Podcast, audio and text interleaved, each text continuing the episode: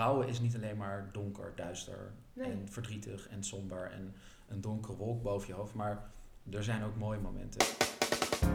Hey, welkom bij de Thera Podcast. De podcast over het geven van therapie. Mijn naam is Marlon en ik duik wekelijks met experts de diepte in over de valkuilen en uitdagende situaties voor therapeuten en coaches. Leuk dat je luistert en veel plezier. Remco, welkom.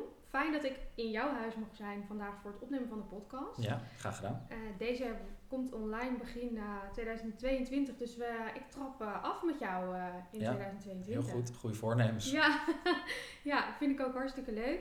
Hey, we hebben elkaar een paar keer gesproken ter voorbereiding op deze eh, podcast. Dus ik weet van jou dat je jongere rouwcoach bent, dat je kerstvers getrouwd bent. Ook dat, ja. Ehm, je woont en werkt in Amsterdam, maar ook veel online hè? Je doet Ja. veel online sessies, dus Ja. eigenlijk cliënten uit het hele land. Inmiddels wel. Ja. Ja, maar dat komt echt een beetje door corona. En, Oh, en door misschien vorige podcast, maar voornamelijk corona. Dat, dat, dat mensen toch niet durfden te komen. Of Ja, ja, dan, dan online. En uiteindelijk ging dat best wel goed. ja. Dus sessies in je pyjama broek. Het is niet dat ik opsta op de camera en dat mensen rare dingen zien. Nee, nee, nee. nee, nee. Dat zijn alleen grappige filmpjes op Dumpert. Ja. Oh. Nou, het, kan- heeft ook wel een leuk knusgevoel, denk ik, als de ander Ja. ook in zijn pyjama broek zit. Maar, eh, oké. Hey, en waar, je noemt al een beetje podcast, eerdere podcast. Waar kunnen mensen jou van kennen? Ik, ik ben te gast geweest bij een podcast Held in Eigen Verhaal van Iris van Enthoven. Mhm. Ik ben te gast geweest in de podcast van Nanne van der Leer van Lief Leven. Ja, die kennen veel mensen ook. wel. Die kennen misschien mensen wel. Ik ben gast geweest bij de podcast van Christopher van Drie vanuit de diepte. Nou, die ken ik niet. Nee. Ehm, en ik ben denk ik een keertje bij de Bali ben ik geweest bij een, ehm, ja, een boekpresentatie van Ameline Anzou van, van, van harte gecondoleerd. Mhm. Dat is een van de eerste ja, boeken voor jongvolwassenen. Die, zij schrijft vanuit haar eigen beleving, want zij is beide ouders ook verloren. En zij vroeg aan mij of ik daar als professional eh, bij wilde dragen aan die boeklancering. Oh, tof. Ja, en dat staat ook online, dus misschien dat dat... eh, en voor de rest denk ik dat mensen mij absoluut niet kennen. dat, dat komt dan nu door deze podcast. ja, precies. Ja, ja. In dat rijtje, eh soort van, ja, wat zijn het? Semi-BN'ers? Ik weet niet wat het zijn. Maar daar staat nu Marlon Dijkhuis tussen. Hoppa, zie je? Ja, nu ga je wel een vlucht maken. Nu snap ik waarom je hier zit ook. Ja. Nee, maar superleuk dat, eh, nou ja, dat, dat je me ontvangt. ja. En we gaan het hebben over eh rouwende cliënten. Ja. Ehm, dat is denk ik een groot deel van jouw werk. Maar de vorige keer dat ik jou sprak, gaf je ook aan van hé, maar er wordt jou ingefluisterd. Remco, je kan veel meer, je doet veel meer dan Ja. alleen maar rouw. Nou, dat is, dat is het pad waar, waarop ik nu ga. Ehm, is dus jongere, jongvolwassenen coach met speciale aandacht voor rouwverlies en tegenslag. Dus hiervoor was ik, of ben ik, ik ben nog steeds, en dat, dat, dat hou ik ook zeker. Dus echt gespecialiseerd op rouw. Mhm. Jongere rouwcoach, ja, de, de naam, daar kan je niet omheen. Nee. Ehm, maar ik merk ook dat ik. Rouw is zoveel breder dan alleen het verlies van, van een dierbaar persoon. Want je hebt ook ja, het verlies van gezondheid, eh, het verlies van familiestructuur, verlies van studie, van ambities, van. Nou ja. Ja, zeker. Ehm, en tegenslagen, ja, dat, dat, dat komt voor in iedereen's leven. Dat zit in het basispakket. Dus, en ik merkte dat ik steeds meer mensen kreeg die ook ja, andere thema's met zich meebrachten. En doordat ik ben opgeleid vanuit Acceptance and Commitment Therapy, eh, merkte ik dat, dat dat gaat ook gewoon goed. Dus, en ik kreeg inderdaad van de mensen waarmee ik samenwerk en van eh, iemand waarmee ik supervisie heb, die zei ook van ja, ik heb cliënten voor je, maar mensen schrikken, schrikken van de naam rouw. Ja. En die Dat- denkt van oké, rouw, ja, ik ben gewoon een beetje somber of ik zit gewoon niet lekker in de wedstrijd. Ja, moet ik dan met een coach gaan praten die, die praat met mensen die, die, die iemand zijn verloren. Ja. Eh, dus vandaar een beetje die verbreding. Maar dat is ja, misschien ook mooi als kickstart van 2022 van deze podcast. nieuwe pad. Mijn nieuwe pad, dus ik ben Ja. nu bezig met een nieuwe website. Ja, Oh, leuk. Weet je al hoe de website heet? remcogroenwegen.nl. Nou, Ja. hoe kom je erop? Geen idee. Ja, heel bizar. nou, nou, hartstikke leuk. Gaan we ook in de beschrijving zetten. Ehm, misschien dat die dan wel klaar Ja, wie weet. Ja, ik hoop het. En ook de podcast wordt natuurlijk ook heel vaak later momenten Mm. geluisterd. Dus dan is Ja. die vast klaar. Dus dat is hartstikke leuk. En ja, een mooie, mooie nieuwe weg voor 2022. Mm, en juist dat de mensen waarmee je werkt, en je werkt vrij close met ze, Hm. eh, geloof ik. Ze kennen jou goed. Eh, ja, die weten het beste, denk ik. Die zien ook jouw potentie. Dus ehm het is altijd wijs om naar te luisteren. Toch? Ja. Ja. Ja. Ja, ja. Ja. Goed voornemen. Luisteren naar andere mensen. ja. Ja. Ja, hey, en ik, wat grappig blijf ik dat vinden. Dat eh, je zegt van, ja, mensen schrikken dan van dat rouw. Ja. Eh, dit is een soort eng woord, hè, in de... Het blijft eng. Ja, ja. Ja, ik, ik merk dat op veel verschillende gebieden terug. En soms dan, als iemand vraagt van wat voor werk doe je, dan vertel ik dat. Eh, dan zeggen dat echt zo, oeh, nou, oh, wat knap en wat Ja. heftig. En wat, en dan denk ik, nou echt, eh 9 van de 10 keer lig ik in een deuk met mijn cliënt. En Ja. tuurlijk wordt wel eens gehuild, maar eh, we hebben het echt heel leuk met elkaar. Jij zegt, eh, ik lig ook in een deuk met cliënten. Ja, En dat is denk ik ook een beetje de misvatting. Want ik vind mijn werk oprecht heel erg leuk. En ik lach ook echt met cliënten. ja, Ehm, en ik denk dat dat meteen ook aansnijdt dat, dat, dat rouwen is niet alleen maar donker, duister nee. en verdrietig en somber en een donkere wolk boven je hoofd. Maar er zijn ook mooie momenten en er zijn ook grappige momenten. Ehm, en dat maakt het werk ook leuk. En Ja. dat is ook misschien voor, voor, voor buitenstaanders. Ja, rouw is dus niet alleen maar verdrietig. Nee. Nee, eh, weet je, vaak natuurlijk wel wanneer mensen bij je binnenkomen. Hm. Eh, want ik ben altijd wel van overtuigd dat mensen, eh, wanneer ze bellen, zitten ze echt wel eh, laag. Hm. Ehm, dat is ook waarom wij Ja. echt werken zonder wachttijden. Dat, dat, daar willen we gewoon echt niet aan en daar doen we alles aan. Want als iemand belt, dan heeft hij het al heel vaak zelf geprobeerd. Vaak, en komt hij er Ja. gewoon echt niet meer uit. Ja. Ja. en zeg je dan, je moet nog drie maanden wachten. Dat, dat, dat kan ik gewoon niet over mijn hart Ja. krijgen. Goed dat jullie dat kunnen waarborgen ook. Want Ja. de wachtlijsten in de GGZ zijn volgens mij enorm. Ja, dat is natuurlijk ehm, soms lastig. Hè? Dat, dat kent vele redenen ook dat die wachtlijsten er zijn. Ehm, maar voorop staat eigenlijk dat eh, wanneer mensen het zelf kunnen betalen, er bij ons sowieso geen wachtlijsten Mhm. zijn. Alleen eh, wij werken veel in de jeugdhulpverlening. Ja. En ehm, ja, voor, voor kinderen ontstaat er soms een wachtlijst, omdat de gemeente heeft maar een beperkt budget. En wanneer dat budget op is voor het jaar, hè, Ja. of ik zit per maand aan het maximum aantal eh, ja, kinderen dat ik kan declareren, Ja. Dan kan ik ze geen vergoede hulp bieden. Maar particulier, dat is altijd te regelen. Ja. Hè, dus ja, dat is. En dat ergens vind ik dat ook heel vervelend, want niet iedereen kan het betalen. Klopt. Dus dat, dat zijn, maar dat zijn hele andere discussies. Maar mensen komen dus echt binnen en dan, dan zitten ze laag, dan gaat het niet goed. En Ja. dan is er inderdaad dat zware, die traan, die, die Mm. rouw zoals ja, misschien de maatschappij het ziet.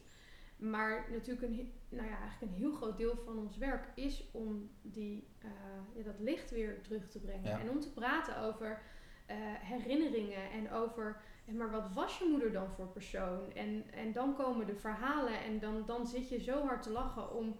eh, laatst was er ook een jongen en die, die had dus een, een vader. En zijn vader was echt zo'n... eh, was een boer, maar dan echt zo'n ja, zo'n super grappig persoon. Weet je? En hij vertelde allemaal verhalen over dat zijn vader hem oppakte. En dan hield hij heel erg van rockmuziek. En die Mm. pakte hem dan op als klein kind. En dan hield hij hem zoals zo'n luchtgitaar. En dan ging die gitaar zo spelen met hem midden in de loods. En ja, al dat soort Ja. verhalen. Nou, dan, dat, daar komen geen tranen bij kijken. En als er Ja. wel tranen zijn, dan zijn het meer gelukstranen. Ja. En dat Maar het is, het, is wel, het is wel echt dat, eh, dat merk ik dan in ieder geval in mijn praktijk, is dat naar die pijn toe bewegen, bij die pijn blijven, Mhm. dat, dat vinden mensen heel moeilijk. Dat vinden Ja. cliënten moeilijk, maar dat vindt ook de omgeving moeilijk. Ja. Ik ben wel echt van mening dat op het, op het moment dat je dat leert om bij die pijn te blijven, bij die moeilijke gedachten te blijven, bij ja, wat, wat, er, wat er heeft voorgedaan, ehm, dat dan op een gegeven moment, als je dat wat meer leert, wat frequenter leert doen, dat dan daarna ook de mooie herinneringen wat meer naar boven komen. Ja. Dat hoor ik letterlijk terug in mijn praktijk. Dat hoorde ik laatst weer van een cliënt. Dat ik heb zo lang eigenlijk al die moeilijke gevoelens vermeden. Ik probeerde te, con- te controleren, ik probeerde te vermijden. Ja. Ehm, en nu zijn we samen dus aan het, aan het verstillen eigenlijk. Dus we Mhm. zijn aan het afremmen en kijken wat er ligt. eh, wat doet nou echt pijn? En natuurlijk komen er dan tranen.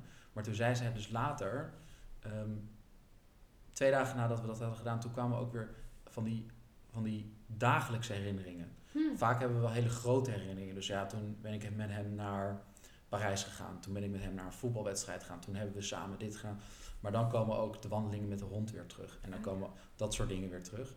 Ik, ik weet niet of dat zo wetenschappelijk onderbouwd is, maar het, het lijkt zo te zijn dat als je aan het ene aandacht geeft, dat dan ook het andere weer er mag zijn. En als, je, als het zoveel pijn doet als je iemand bent verloren, dan eigenlijk alle gedachten aan hem of haar zijn moeilijk. Dus je vermijdt het sowieso. Ja. Maar als je dus het een toelaat, dan komt het andere ook weer. Ja, Ja, ja. ja, ik vind het wel logisch klinken wat je zegt. En, maar, en het, nou ja, het is dan ook zo makkelijk uitgelegd. Maar hoe doe je dat dan bij die pijn blijven? Nou, wat ik bijvoorbeeld laatst heel erg mooi, dat, dat komt dan ook uit, uit ACT, eh, of uit Acceptance and Commitment Therapy, is dat ehm, je pakt dus letterlijk een blaadje en, en een pen en je legt die bij de cliënt neer. En je vraagt gewoon van wat zijn nou op dit moment de allermoeilijkste gedachten, gevoelens en emoties die in je lichaam rondgaan. Eh, wat doet echt pijn? Wat probeer je te vermijden? En dan, dat is vaak al moeilijk om dat natuurlijk samen te doen. Maar ik zeg, ik ben bij je, we gaan het samen doen. Ehm, en dan zie je iemand dus heel voorzichtig één zinnetje. En soms, sommige mensen gaan gewoon al in, die, die schrijven twee, Ja. drie blaadjes vol. Ehm, waar het over gaat is ten eerste het opschrijven. En daarna vraag ik ze om een soort van kommetje te maken van hun handen. En die pijn en het verdriet letterlijk even in hun handen te leggen. Mhm. En gewoon even samen daarbij te blijven. En ik- dan zeg ik ook letterlijk, jij, jij weet wat op dat plaatje staat. Hoe is het om daar heel even bij te blijven? Sommige mensen zeggen, ja, ik wil het eigenlijk het plaatje wegdoen. Ik wil het in mijn zak doen. Ik wil, eigenlijk wil ik het plaatje weggooien. En sommige mensen moeten gewoon ontzettend huilen. Ja, Omdat dat eigenlijk de eerste keer is dat ze weer een soort van de permissie krijgen om even stil te staan. Eh, en we doen dat dan samen. Ik vraag ook van mensen aan mensen of ze dat dan ook thuis willen doen. Dus als er iets moeilijks opkomt, schrijf de zin op. Hou hem heel even vast. Je houdt letterlijk even die pijn vast. Hm. Ehm, dat is bijvoorbeeld één manier ja, hoe, hoe ik dat zou aanpakken. ja. Oh, dat, dat, is wel, dat is wel mooi. Je, maakt, je maakt het concreet. Wat, Ja. ik, wat ik terughoor is, het zit altijd in mijn hoofd en dan wordt het een soort van, van, van ja, een vicieuze cirkel in mijn hoofd. En als ik het opschrijf, sommige mensen vinden dat ook heftig, want dan wordt het echt. Mhm. Dat, dat is wat ik dan ook dan hoor. Ehm, maar het is praktisch. Het is ook makkelijker dan het zeggen. Het is makkelijker dan het zeggen. En ze mogen het aan mij zeggen wat ze opschrijven, maar dat hoeft niet. Dus ze mogen het ook voor zichzelf houden. Zij weten heus wel wat er op dat blaadje staat. Ehm, ja, Ik denk zo- dat jij het ja, vaak ook eigenlijk al wel weet. tuurlijk. Ja. Ja, want wat doet er pijn? Kijk, je, je belt hem natuurlijk af met iemand. Ja. Ehm, het eindigt altijd, ik mis hem. Ja. Of ik mis haar. Ja. Dat, dat is eigenlijk altijd eh, het meest pijnlijke wat er is. En alles, alle constructen die daar om, om, omheen zijn gebouwd, eh, dat doet ook pijn. Maar het gaat vaak over ik mis hem Ja. of haar. Mooie, mooie manier om, eh, om te doen. Maar echt wel een heel pittige voor cliënten. Ja, ik moet je ook niet mee starten. wel, eh, nee, nee, nee. nee. En ik denk dat dat de sessies zijn hè, waarvan men in de maatschappij zegt... Poeh, nou, eh, Ja, doe maar lekker niet. ja, Ja. heftig. Want laten we eerlijk zijn, je omgeving, en natuurlijk zijn er ook echt toppers tussen die gewoon bij die pijn blijven en die, Mhm. die dat durven. Maar de meeste mensen die willen je snel troosten. Ja. Of die willen het afkloppen. Of die zeggen, oh, komt wel goed. En wat ik ook zelf heel erg vaak in mijn hoofd heb, het komt niet goed, want Nee. hij komt niet meer terug. Nee, En het is nu gewoon kut en mag dat even. ja, En dat vind ik zo chill aan, aan ACT, nogmaals, is dat zij zeggen letterlijk, je hebt recht op die pijn. Die pijn, dat is jouw recht, het komt, het komt naar je toe. Eh, je, je moet het zelfs voelen, je mag Ja. het voelen. ja, Eh, en volgens mij zijn we gewoon ontzettende pijnvermijdende wezens. natuurlijk. En willen we dat gewoon van ons afschuiven. Maar ik denk dat het ook gezond is om dat af en toe gewoon te doorvoelen. Ja, dat denk ik ook. Ik heb ehm, een, hele tijd een, een meisje begeleid van, van 15. En die zei eigenlijk letterlijk ook gewoon elke keer, we kwamen ook niet verder. Ze is best lang bij me geweest. Uiteindelijk kwamen we echt niet verder. Omdat ze zei, nou, ik, ik kan het echt niet. Ik kan, het, er, het zit er. Hm. Ze was ook heel somber. Ja. Maar als ik hierover ga praten, als ik dit, dit, nou ja, dit deurtje ga openen, Ja, ik kan het niet aan. En ik, ehm, ik, ik vind het nog steeds eh, heel vervelend hoe het uiteindelijk, nou ja, dat het niet is gelukt, zeg maar. ja. Maar en eh, op een bepaalde manier, het, het gaat nu wel oké met haar hoor, maar ehm, ze gaat, ik weet dat ze nog steeds dat Hm. ooit moet gaan doen. ja. En dat ze nu, ehm, ja, ze leeft eigenlijk gewoon op 60%. Want heel veel leuke dingen, Hm. die voelt ze ook Ja. niet meer. Hè? En, en mooie herinneringen, eh, die laat ze ook niet meer toe. Ja. Hè? En ik zeg ook wel eens dan eh, tegen cliënten van, weet je, eh, jouw vader bijvoorbeeld, die verdient het ook gewoon om over te praten. Jouw vader is niet alleen dood, Mhm. Hij was ook veel meer. Ja. Nu weet ik ook wat ik in het begin wou zeggen. Ik zie bijna een soort van lampje boven hè? hoofd. eh, ja, ja. Ik wou zeggen dat, eh, het- we hadden het natuurlijk over dat rouw heel zwaar is in de maatschappij. Het woord dood ook. Ja. Ik zeg dus er wel altijd tegen mijn cliënten, papa is dood, mama is dood, die is dood. Want ze zijn dood. Ja. Dat zijn ze. Ja. Maar ik merk dat ehm, wanneer ik gewoon over mijn werk praat met anderen, is dat je eigenlijk dat woord bijna niet mag zeggen. Want dat is heel heftig om Ja. te zeggen, oeh, dood. Nee, je Ja. moet gewoon zeggen gestorven. Hè? Of, ja, eh, of overleden. Verloren. Ja, hij is er niet meer. Ja, het moet heel, heel zacht. Mm. En ehm, ja, ik denk ook dat dat niet helpend is. Dus ik blijf gewoon lekker dood wel zeggen. Heel goed. Wanneer het kan. Ja.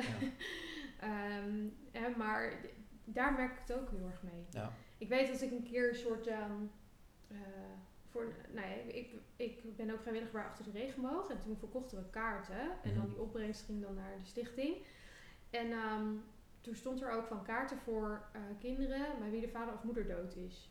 En, en toen zei ehm, iemand uit mijn familie, die zei, oeh Marlon, dat moet je even aanpassen. Want dat is wel heel hard wat daar staat. En toen zei ik, ja maar Dat is wat het is. ze zijn toch dood of niet? Wat, Ja, ja. Waarom, voor wie moet ik het precies aanpassen? Voor Ja. jouw ongemak? Of voor... Mm. Dat, en dat vond ik zo tekenend. En dat is wel een beetje hoe er nou ja, over dit soort dingen Mm. wordt gedacht. Ja. Maar ik denk ook om terug te komen op die cliënt die jij net beschreef. ehm, misschien heb jij wel gewoon het werk gedaan wat met haar kon. Ja. En dat je met haar bent gekomen tot aan die deur. Van oké, en nu weet zij dus heel duidelijk, dit is hem. ja. Dit is mijn stukje waar ik naartoe moet. Dus Ja. eigenlijk heb je haar begeleid tot aan de poort. Ja. Om, het, om Ja. haar poort. Ja.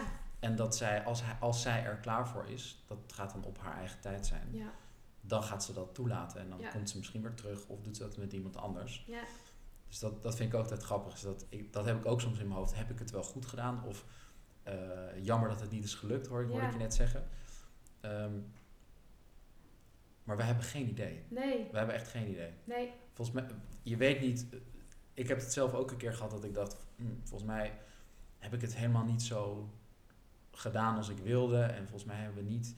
En achteraf bleek dus dat, dat hij ontzettend blij was. En dat zelfs zijn ouders weer een doorverwijzing hadden gemaakt voor iemand anders. Oh ja. Ja. Omdat het zo goed was gegaan. Terwijl mijn gedachte was, ja, ik heb volgens mij niet het werk gedaan met hem wat ik wilde. Zo interessant is dat. hè? Klopt. En voor iemand anders kan je dat dan altijd zo goed eh, ja, weer uitleggen, Ja. geruststellen en, en Ja. relativeren. En als je er zelf in zit, inderdaad, is dat, ja, Ja. is dat toch anders.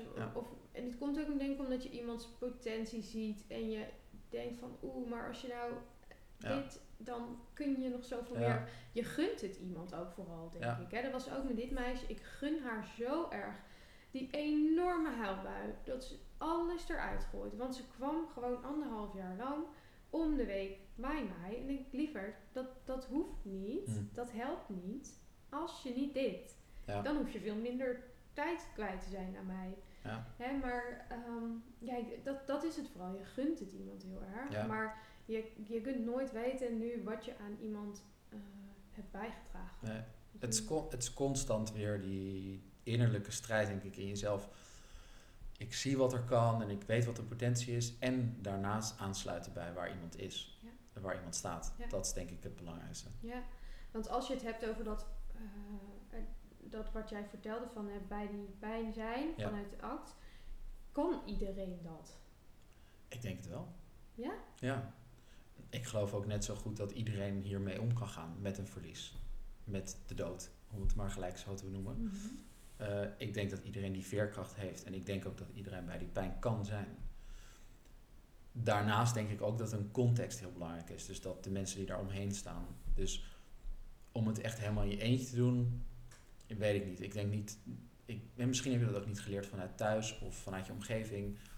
Ehm, dus ja, de, de context is wel heel belangrijk in of je het doet of niet. En of je het kan of niet. Ja, Ehm, ik geloof wel dat iedereen het kan. Als je de juiste hulp krijgt of als je de juiste context hebt, de juiste mensen om je heen. Ja, dat denk ik wel. Ja, ja. Ja, misschien is het niet altijd voor iedereen op elk moment eh, de beste eh, manier. Nee, en het ligt daar denk ik ook aan eh, hoeveel, hoeveel belemmert het je. Kun je er gewoon mee door, vind je het allemaal wel prima. Ja, Ja, lekker boeien, dan zou ik het ook lekker doen. ja, Maar heb je er last van? Belemmert het je in je dagelijks leven? In dat je misschien angst hebt, eh, terwijl je eigenlijk heel graag op het podium wil dansen, maar je hebt angst om op het podium te staan, blanke koorts. Ja, dan belemmert het je. Dus Ja. dan, dan, dan is het goed om daarnaar te kijken. ja. Maar als je zegt, ja, lekker boeien, eh, ik, eh, ik heb watervrees, maar ik vind zwemmen toch kut. Nou, dan, Ja. dan ga ik gewoon lekker niet zwemmen, toch? Ja, Dus het ligt, het ligt er denk ik een beetje aan. Dus ik denk niet dat iedereen het, het moet of hoeft, maar als het jou in de weg staat om de dingen te doen die jij graag wil doen, dus je waarde of wat je belangrijk vindt, ja, dan, dan is het misschien leuk om daar naar te kijken. ja, ja. Ja, dat is, wel, dat is denk ik wel een mooie toevoeging. Hè? Want er wordt ook zo vaak gezegd door buitenstaanders hè, van eh, hij of zij rouwt niet. Of Ja. rouwt niet goed. Of gaat Ja. het niet aan. Of gaat het uit de weg. En Ja, Ehm, ja, dat, dat, dat heeft er veel mee te maken, denk ik. Hè? Er, wordt, er, er is ook een heel erg een beeld van hoe je hoort te rouwen. Eh, Mhm. er gaat iemand dood of nou ja, er gebeurt iets anders. Eh, je ouders gaan scheiden bijvoorbeeld. ja, Eh, en dan moet je huilen en verdrietig zijn. En ehm, dat, staat dat mag niet. dan ongeveer een aantal maanden heel erg. En dan moet het wat beter gaan. En dan na een half jaar, een jaar, dan moet je wel klaar zijn. Mag ja wel na, een keer zijn met jaar, kerst. eh, na een jaar heb je alle data's toch gehad. ja, dus dan, precies. dan is het toch oké? ja. Ja, En is het kerst, nou dan, dan snappen we wel dat we weer een beetje Ja. verdrietig zijn. oké, heel even. Ja, Twee dagen. maar wou ik zeggen op eh, 28 december, Ja. dan moet het toch wel, wel Ja. weer klaar. En 1 januari, oké, nieuw jaar, pijnlijk. Ja. Oké, maar door. 2 januari, Ja, waar hebben we het let's over? go. Let's Ja. go. Ja. Ja, en, maar zo werkt het natuurlijk niet. Zo werkt het niet. Nee. Zou eigenlijk wel heel fijn zijn als het wel zo zou werken. Als het gewoon klaar is. Dat, het dat je het structuur zou hebben. Dat je, dat je Oh, dat je dan- weet, ik moet nu dit, Ja. dit, dit en dan is het klaar. Kijk, ze proberen dat natuurlijk al jaren proberen ze dat in een model te vangen. Een rouw. Ja. Ehm Kubler-Ross heeft daar natuurlijk hartstikke mooi aan bijgedragen. Aan, aan, aan die curve van ja met een begin en, en een eind. en een begin en een eind. Ja, Ehm, oorspronkelijk is dat natuurlijk ook helemaal niet voor rouw geweest, maar voor een stervensproces. Ehm, maar dat is heel erg naar de rouw toegetrokken. En iedereen, ik denk ook ons, onze ouders generatie, misschien daaronder nog, die denken allemaal inderdaad dat dat... Toen was dat helemaal hip en happening, dat model. Maar ik krijg ook mensen in mijn praktijk die echt verward zijn door dat model. Oké, maar ik hoor dus nu eigenlijk dus boos te zijn, maar ehm, ik voel eigenlijk helemaal niks. ja. Of ik doe ik hoor, het wel goed? ik hoor nu in de fase van marchanderen te staan, of ik moet nu accepteren of zo, staat er. Maar dat voel ik niet, dus doe ik het wel goed. Ja. Die hoor ik wel eens. Ja, dat ik wel zeker, goed. Hè? Precies, ja. Ja, kijk, en daarom zeg ik natuurlijk net ook een beetje voor de grap. Want het zou lekker zijn als er een, een structuur, een duidelijke structuur is, een stappenplan. Hier moet je doorheen. Dan weet je ook, oké, Ja. ik ben halverwege. Ja. Let's go. Ja.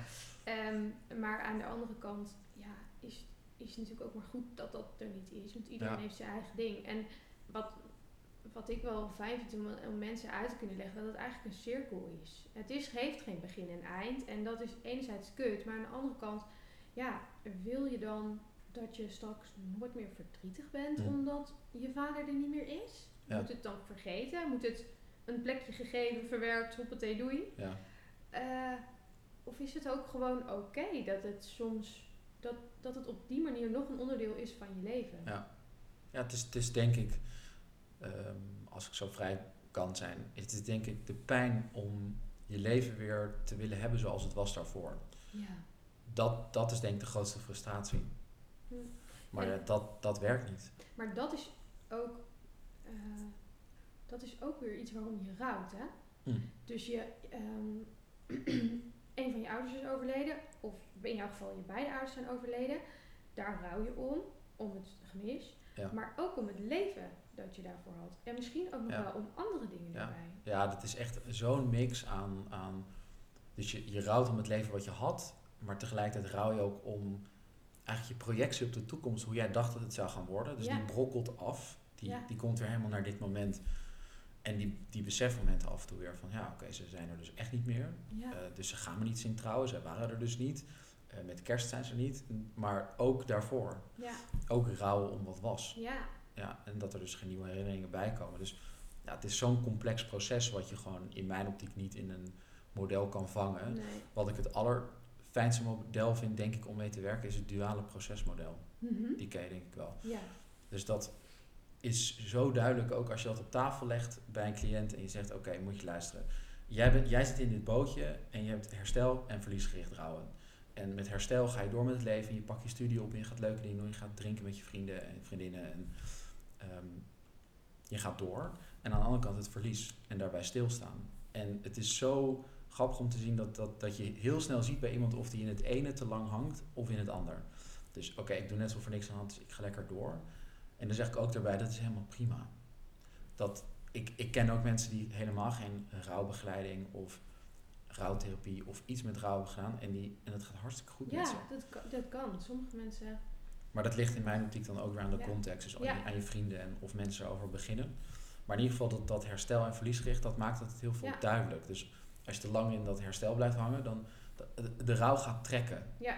Je, je merkt het aan alles. Ik, ik, ik hoor dat alleen maar terug in mijn praktijk. Je merkt, ik krijg een korte lontje, ik zit niet lekker in mijn vel, eh, ik word moe. Eh, dat, dat, soort, dat soort tekenen zijn voor mij altijd een beetje de, ja, het, het, het signaal van volgens mij moeten we weer heel even terug naar, oké, maar wat deed er ook weer pijn? Ja. Of wat zag je dan in de afgelopen dagen wat, wat pijn deed? Het zijn vaak die kleine signalen van, je zit in een groep vrienden en je ziet ineens papa belt bij iemand op zijn telefoon staan. Mm.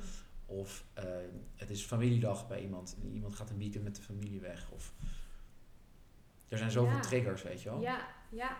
Ja, en ik zeg dan altijd tegen mijn cliënten van het is de bedoeling dat je, som, dat je een beetje blijft schommelen. Mhm. Dus als je, eh, Ja. en dit is helemaal omdat ik natuurlijk wel met kinderen werk, kan ik het op die manier ook heel goed uitleggen. Als jij niet meer schommelt, hè, dan moeten we soms even kijken hoe, hoe krijgen we jou wel weer aan schommelen. Zolang Ja. jij schommelt, dan, eh, dan is dat goed. Ja. Ja, ja dat, is, dat is een mooie om, eh, om erbij te betrekken. En wat ik, waar ik ook aan dacht, is het hartmodel. Ken jij die? Nee. Het, het hartmodel, ja, ik, ik, ik, eh, die is van uh, onder andere van Tineke Rodeburg. Mhm. Maar ik doe hem altijd een beetje anders dan hoe die officieel moet. Dus als, eh, Oké. Tineke, als je luistert, sorry.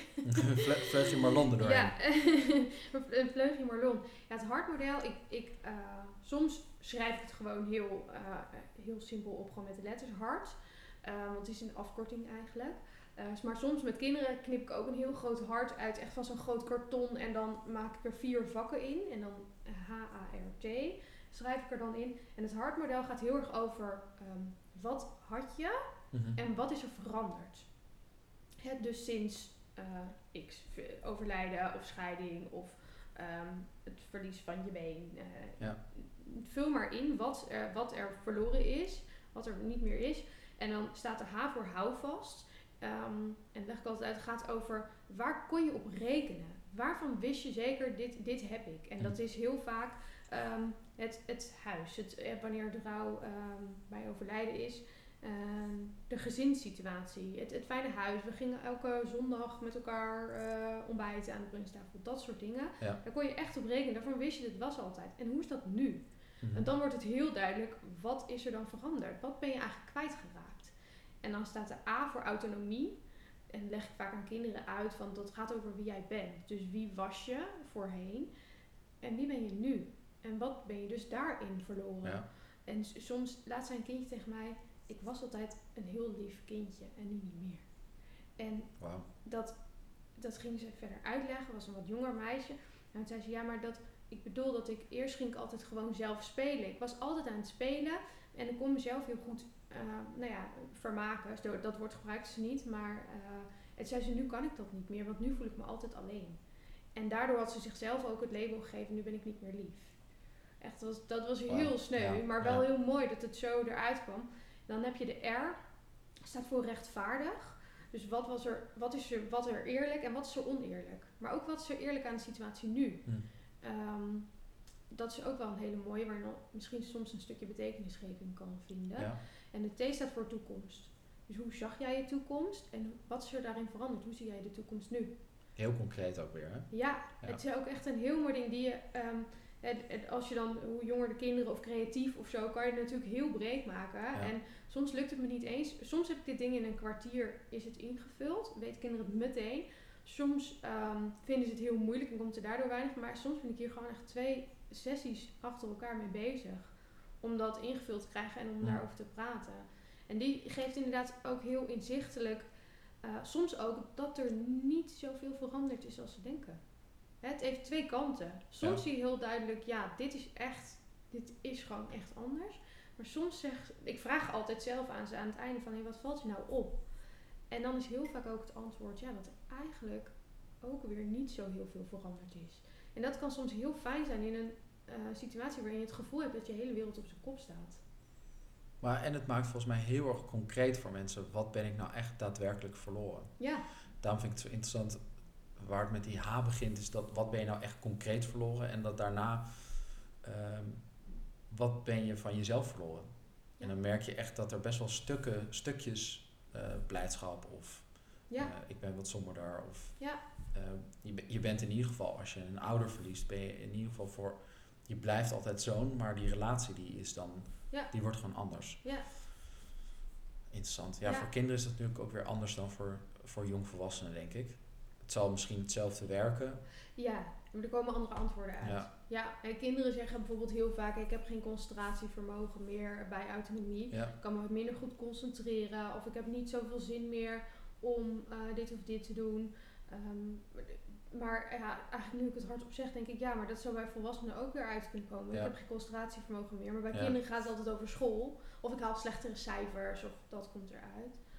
Um, maar ja, ik kan me voorstellen dat bij volwassenen er ook gewoon uitkomt. Ja, ik, heb, uh, kan me slecht concentreren op mijn werk. En ik heb geen zin om uh, over koetjes en kalfjes te praten bij het koffiezetapparaat. Ja. Dat soort dingen. Ik ben minder vrolijk. Ja, ben, uh, wat merk jij dan met kinderen het meeste? Wat, is, wat, wat zijn echt de meest voorkomende symptomen? Ik, ik merk bij kinderen heel veel dat ze zich um, uh, dat ze het gevoel hebben dat ze de enige zijn. En waar wij volwassenen al weten dat dit hoort bij het leven. We kennen vaak meerdere mensen die al een, een groot verlies hebben meegemaakt. Ja. Um, en, en kunnen dat opzoeken als we willen. Denken kinderen dat ze de enige zijn. En als ja. ze in een klas rondkijken, ja. of in, ze, je ziet het niet aan mensen. En um, daardoor voelen ze zich heel alleen. En daardoor gaan ze zich ook heel erg isoleren. Heel erg goed dus dat het Klokhuis is begonnen met uh, een aflevering over de dood. Ja, ja. klopt. Ja. Klopt, dat, dat is een heel mooie, ja. heel mooie reeks geworden. Ja. Ja, die, die als wij lotgenotengroepen uh, hebben op ons kantoor, dan laten we ook wel eens wat van die afleveringen ja. zien. kan me heel goed voorstellen. Ja. Want dat, dat komt dan ook weer terug op het stukje als je zegt de dood, het woord de dood is moeilijk. Ja. Ja, ik kan me voorstellen dat juist op programma's als het Klokhuis, dat het daarmee wordt genormaliseerd. Ja, Want volgens mij is het onlosmakelijk verbonden met ons bestaan hier. Ja. Is dat het leven en de dood. Ja, ja en ik, ik denk ook dat uh, volwassenen dat vaak moeilijk vinden hoor. Want um, ik weet nog dat ik dat over dat klokhuis had ik op een, mijn Facebookpagina gedeeld. Hmm. Uh, dat ze dat hadden gedaan. En toen reageerde iemand daarop die ik ken van, oh ja, um, als je dit gaat kijken met je kinderen, dan niet vlak voor het slapen gaan doen, want het is wel een beetje spannend. En toen dacht ik, hoezo? Het is helemaal niet spannend.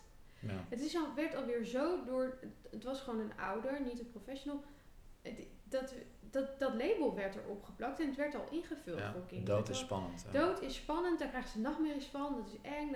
Ja. Wel, dat is niet zo. En ik, dat, dat werd weer bewezen. Van het weekend was ik aan het oppassen op mijn neefje en nichtje van 4 en 5. En we kwamen nou ja, wat, wat later s'avonds thuis en het was al donker. En er waren heel veel sterren zaterdagavond. En mijn neefje die stapte uit de auto van 5 en die zei, wow Marlon, er zijn zoveel sterren. Ik heb nog nooit zoveel sterren gezien. Wow. En toen stond hij in de tuin en hij keek omhoog en hij zei, dat zijn opa en opa en Vigo. Hoi opa, opa en Vigo, hoe gaat het met jullie? Zijn jullie al 100.000? Ik mis jullie, veel beterschap. Liefst van mij. En toen huppelde die weer naar de deur. Holy shit. Iedereen in de tuin janken. Nou ja, ik was er alleen bij, want we kwamen net thuis. Dus anders was echt gejankt. Ja. En ik dacht ook, oh, ik wou dat ik dit op film had. Of dat ik dit, weet je, dat, het was zo'n puur moment van een kind. En het, dat komt echt omdat toen eh, Vigo is eh, zijn neefje, was, als baby is, hij- is hij overleden. En mijn zus en mijn zwager hebben dat toen echt heel goed opgepakt. Ik heb ze boekjes gegeven van mij uit de ja. praktijk. Zij lees met, met ze. En zij vonden dat zelf heel moeilijk. Ze zeiden ook van, eigenlijk is, wij vinden dat boekjes lezen heel moeilijk, want wij moeten zelf steeds huilen. Ja, ja, ja. ja, Eh, terwijl mijn neefje eh, helemaal niet. En die kan er dus nu gewoon heel goed over praten. Ja, dat hoort erbij. Ja, Ja. Dus, Ja. Het, is, het, is, het is een onderdeel van. ja. En dus dan gaan we dus als volwassenen invullen dat het heel spannend voor ze is. Terwijl dat is het niet. En kijk, hij is natuurlijk zo klein, kan nog heel moeilijk beseffen wat nou Hm. dood dan echt is. Ja. Ehm, maar spannend of eng, Ja. dat is het nog Maar het wordt niet doodgezwegen. Nee, nee. Nee, nee.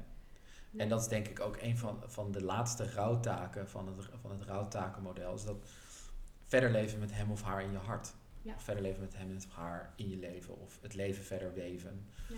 Ehm, dus dat, dat, dat, dat impliceert gewoon dat je die ander daarbij betrekt. Ja, En dat je ook met ze praat. Ik bedoel, ik praat ook nog dag- dagelijks. Nou, dagelijks. Ik praat ook nog wel eens met mijn ouders. Gewoon meer van, holy shit, wat is dit voor een bizarre periode waar je in beleven? Of dan ga ik naar stoel op de begraafplaats. En dan sta je gewoon, ja, dan, dan sta je gewoon in je hoofd sta je gewoon met ze te praten. ja. Krijg je ook antwoord? Eh, nou, niet echt direct op die manier. Het is niet dat ik in mijn hoofd ineens, eh, ja, gaat goed, eh gozer. nee, nee, dat hoor ik niet. Nee. Ehm, ik, ik, ik geloof wel op een bepaalde manier dat ze er zijn. Mhm. Ik heb geen idee hoe of waarom of Nee. waar of wat. Maar soms droom ik zo levendig over ze. Of ehm, mijn moeder die heeft bijvoorbeeld een keer een, als allerlaatste had ze een kaart geschreven.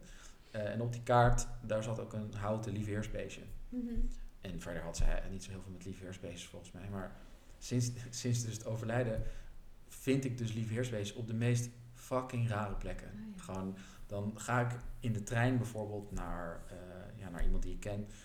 Ehm, en het is dan een spannende meeting die ik dan ga hebben. En dan zit ik in de trein en zit er een liefheersbeestje op mijn tas in de trein. Oh ja. Of laatst ja. zat ik ook helemaal niet lekker, gewoon op een gegeven moment in de wedstrijd. Het was allemaal spannend en trouwen en allemaal dat soort dingen. Eh, en het was gewoon al een beetje ja, wat kouder aan het worden. En eh het zat er ook een liefheersbeestje in de kamer. Terwijl Ja, wat doet hij de daar, ramen hè? waren Ja. dicht gewoon al die tijd. Ze zijn helemaal niet open geweest. Al weken dan, weet je wel. En dan Ja. denk ik zo, hoe dan, weet je wel.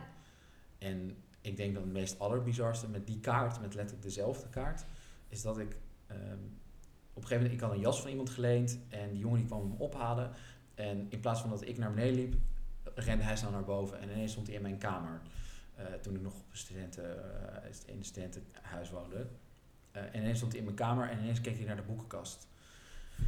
Heel geïnteresseerd. En ineens, oh, eh, ik had die jas nog in mijn hand en hij was naar die boekenkast aan het kijken. En ineens eh, pakt hij één boek eruit. En zei, holy shit, gozer, heb jij dit boek? En ineens valt, er een kaart uit. Nou, dat was dus die kaart. Dus, en ik had die kaart al heel lang niet gezien. Ik denk een paar jaar, ik denk twee, drie jaar niet meer. Ik wist ook niet meer waar die was. Toen viel eruit, toen keek ik er weer op. Het stond er dus op die kaart, wat ze had opgeschreven, ik hou van jou. Met dat lieve heersbeestje. En daaronder dus de datum. En het was dus dezelfde datum als die dag waarop, waarop we hem vonden. Hou op hoor. Alleen dus dan drie, vier jaar later. Jeetje. Ja, dus het was iets van v- 4 mei 2014 en ja, het was dus 4 mei 2018. Ja. Maar je, je vindt denk ik antwoorden als je ze wil zien of zo. Ik denk het wel.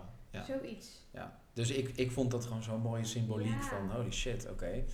En, en misschien is het wel niet zo, maar het gaf mij troost, weet je wel. Dus Ja. hetzelfde als dat, dat mijn oma op haar sterfbed nog steeds eh, gebedjes aan het doen was met haar rozenkrans. Ja, dat gaf haar steun. Ja. Dus ja, ik weet niet. Ik, eh, Ja. Ja, dus praat ze terug. Niet concreet met stemmen, maar misschien in Ja. soms tekens of ik Ja. heb geen idee. Ja. Het geeft mij troost, laat ik het zo zeggen. Ja, dat, nou ja, dat is het. En je krijgt, je krijgt antwoord op Ja, ja, wat voor jou oké is. Daar, daar gaat het ook om, denk ik. ja. Ja.